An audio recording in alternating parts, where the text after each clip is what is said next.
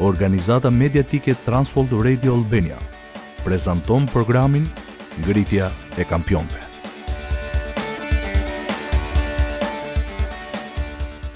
A keni parë një aktor apo aktore të bëjnë një intervistë në shtëpinë e tyre? Ata duken sikur janë persona krejt të ndryshëm nga sa shfaqen në rolet që luajnë. Këtë bën një aktor i mirë apo aktore e mirë, ata bëhen dikush tjetër. Ndonjëherë marrin edhe çmime nëse luajnë bukur. Por, ka dhe disa persona të tillë të tjerë. Ju nuk e dini emrin e tyre. Ata nuk marrin çmime. Loja e tyre nuk bëhet për argëtim. Dhe zakonisht kjo bëhet për dy arsye për të mbrojtur veten e tyre dhe për të mbrojtur njerëzit e tyre të dashur. Këta aktorë janë njerëzit me prindër të divorcuar dhe njerëzit që ata duan janë nënat dhe baballarët e tyre. Mirë se erdhët në Ngritja e Kampionëve. Unë jam Eri dhe si gjithmonë në studio me mua është edhe Pjerini. Ky është programi i dytë mbi çështje që lidhen me të rriturit që kanë prindër të divorcuar. Sot do të diskutojmë disa nga vështirësitë e fëmijëve që përpiqen të përshtaten në dy botët e ndryshme të prindërve të tyre. Do të shohim se si kjo gjë i sfidon ata kur janë të rritur. Ne në programin Ngritja e kampionëve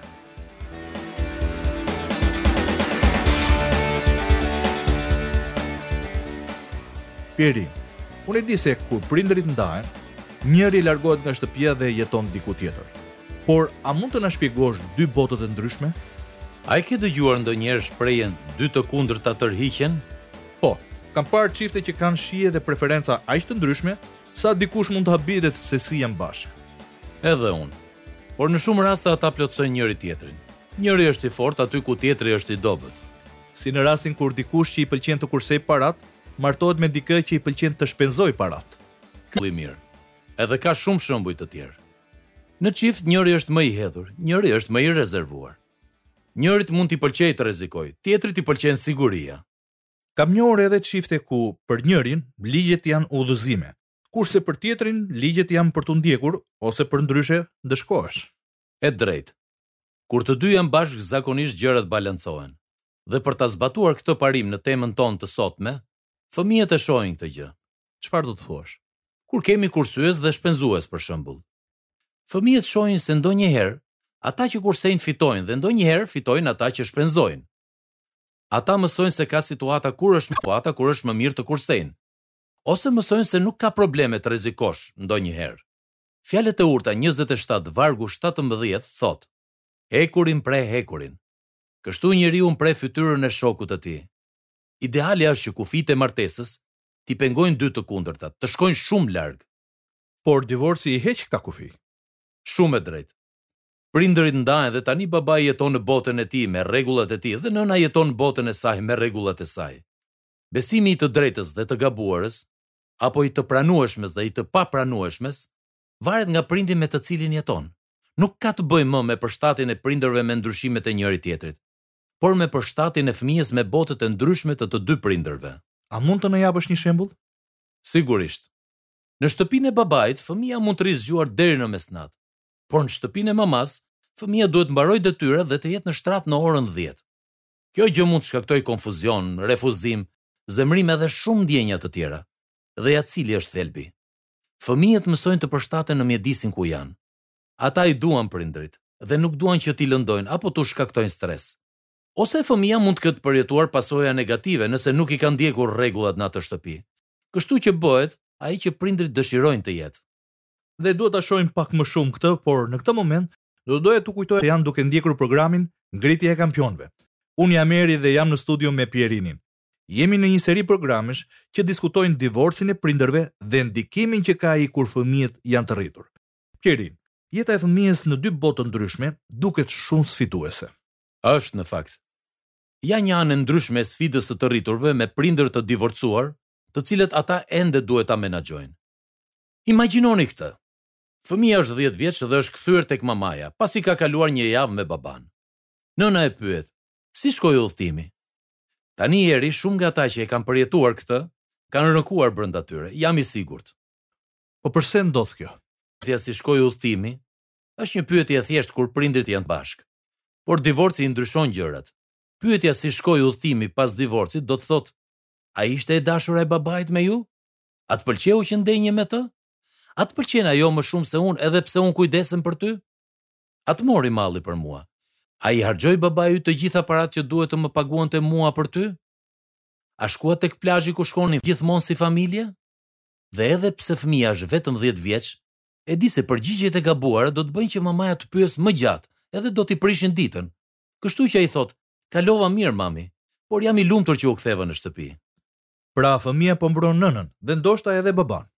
E vërtetë. Dhe ja cila është sfida madje edhe kur fëmijët janë të rritur. Ai i heq ato informacione që mendon se mund të ndikojnë për keq apo ta shqetësojnë prindrin tjetër. Pra fëmija bëhet ashtu siç prindi dëshiron të jetë. Po. Kjo tendencë fillon në fëmijëri dhe vazhdon edhe në moshë të rritur. Fëmijët fillojnë të jenë ashtu siç secili prind dëshiron të jenë. Pastaj bëhen siç duan mësuesit, siç duan miqtë, siç duan profesorët, apo bashkëshorti, apo bashkëshorti, apo siç do shefi në punë. Pastaj një ditë, pastori predikon dhe thotë se ne duhet të jemi ashtu siç Krishti na ka krijuar të jemi. Dhe fëmija nuk e ka idenë se kush është. Po. Ndoshta ka burra që na dëgjojnë dhe mendojnë, kjo po më ndodh mua, unë përpiqem të kënaq gruan, të kënaq shefin, të kënaq njerëzit në kishë, E kam kaluar gjithë jetën duke qenë ashtu siç të tjerët kanë dashur të jem dhe tani nuk e kam idenë se kush jam. Më merr mendja se ky duhet të jetë një moment i frikshëm në jetë. Mund të jetë. Por mund të jetë gjithashtu edhe çorientues. Sepse kur ju kuptoni se si keni reaguar me njerëzit, përsëri i doni ata, por edhe dëshironi të jeni ata që jeni. Edhe duhet të jemi të kujdesshëm që të shmangim ekstremet. Cilat ekstreme? Nëse nuk jemi të kujdesshëm, ne mund të vendosim Nuk do t'i shërbej më askujt, vetëm vetes time. Mund të bëj ç'të dua, kur të dua edhe si të dua. Kjo është diçka egoiste dhe në disa raste edhe shkatërruese. Në thelb është të zgjedhësh të ndjekësh mishin, dhe jo frymën e shenjtë të Perëndisë. Po. Por lajmi i mirë për ata që kanë pranuar Jezus Krishtin si Zot dhe Shpëtimtar, është se identiteti i tyre është në Krishtin.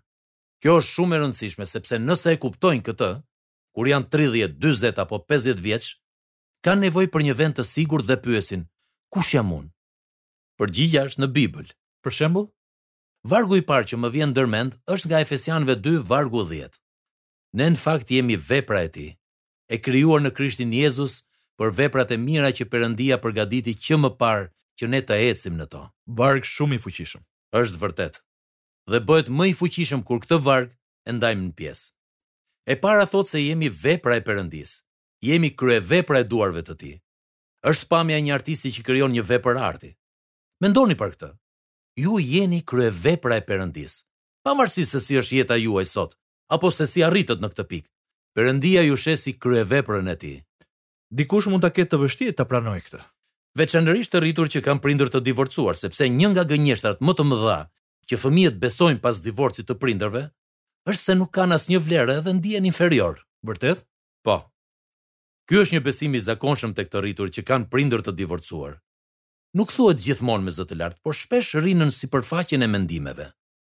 Sidoqoftë, Fjala e Perëndisë thotë se ne kemi shumë vlerë, sepse jemi kryevepra e Tij. Efesianët dy, vargu dhjetë thotë, Ne në fakt jemi vepra e Tij, e krijuar në Krishtin Jezus. Të qenit i krijuar në Krishtin Jezus është diçka shumë e fuqishme. Galatasve dy vargu njëzet thotë, Unë u kryqëzova bashkë me Krishtin dhe nuk rroj më unë, po Krishti rron në mua. Dhe ajo jetë që tani jetoj në mish, e jetoj në besimin e Birit të Perëndisë që më deshi dhe dha veten për mua. Në thelb, nëse keni pranuar Jezusin si Shpëtimtar dhe Zot, ne jemi kryqëzuar me Krishtin. Jemi krijuar në Krishtin Jezus, që tani jeton brenda nesh. Kështu nuk ka përse të jemi ashtu siç të tjerët duan të jemi. Ne jemi të lirë të jemi ata që Perëndia na ka krijuar dhe të bëjmë atë që Perëndia na ka krijuar të bëjmë. Ka shumë gjëra që duhet të kuptohen këtu dhe mendoj se këta programe do të jenë shumë të dobishëm për dëgjuesit. Dhe të rëndësishëm, sepse shpesh pas dëshirës sonë për të qenë ashtu siç duan të tjerët të jemi, fshihet frika. Frika nga braktisja apo refuzimi, frika nga konflikti, frika se nuk jemi aq të mirë sa ç'duhet të jemi. Do të flasim për këto në programet e ardhshëm. Por nëse jemi në Krishtin, nuk ka përse të kemi frikë. Kjo është një e vërtetë e mrekullueshme, por koha është e shkurtër. Pjerin, a mund të na bësh një përmbledhje të atyre që diskutuam sot? Sigurisht. Diskutuam se si prindërit shpesh kanë tendenca dhe dëshira që janë të ndryshme, por martesa i mban ata në ekuilibër. Nga kjo fëmijët mësojnë ekuilibrin. Por pas divorcit, fëmijët duhet të jenë të ndryshëm me secilin nga prindërit dhe kjo gjë mund të bëjë që ata të humbasin aftësinë e tyre për të ecur në plotësinë e identitetit të tyre në Krishtin. Por duke qenë se të krishterët me prindër të divorcuar janë kryevepra e Perëndisë, sipas Efesianëve dy vargu dhjetë, ata nuk duhet të shqetësohen më që të kënaqin gjithë të tjerët. Tani ata ecin në identitetin e tyre në Krisht, dhe kënaqin Perëndinë. Shumë faleminderit Pjerin. Dhe ne inkurajojmë dëgjuesit që të ecin në identitetin e tyre në Krisht. Kthehemi pas pak.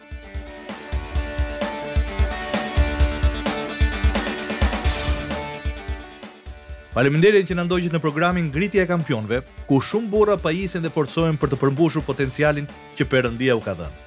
Sot kemi diskutuar problemet që mund të shfaqen kur fëmijët e divorcit përpiqen të përshtaten me stilin e ndryshëm të jetesës së prindërve të tyre.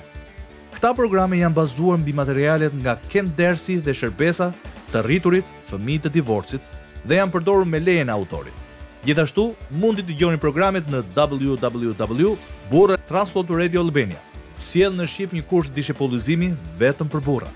Më shumë informacion mund ta gjeni në faqen tonë www.burraluftëtar.al. Këtu mund të gjeni gjithashtu hapa praktikë se si të filloni një studim me një grup burrash përmes këtij libri. Çdo burrë është një luftëtar. Është një kurs dishipullizimi i modeluar për të ndihmuar burrat të kenë sukses në jetë. Ky kurs është për burra që duan të bëhen luftëtarët që Zoti ka synuar të jenë, duke mos jetuar një jetë mediokre, por duke u maturuar dhe duke u pajisur në fushat ku burrat luftojnë dhe duhet të fitojnë. Nga Uuneri dhe nga Pjerini, faleminderit që na ndoqët në ngritja e kampionëve dhe Perëndia ju bëftë burrat që ai e di se mund të jeni.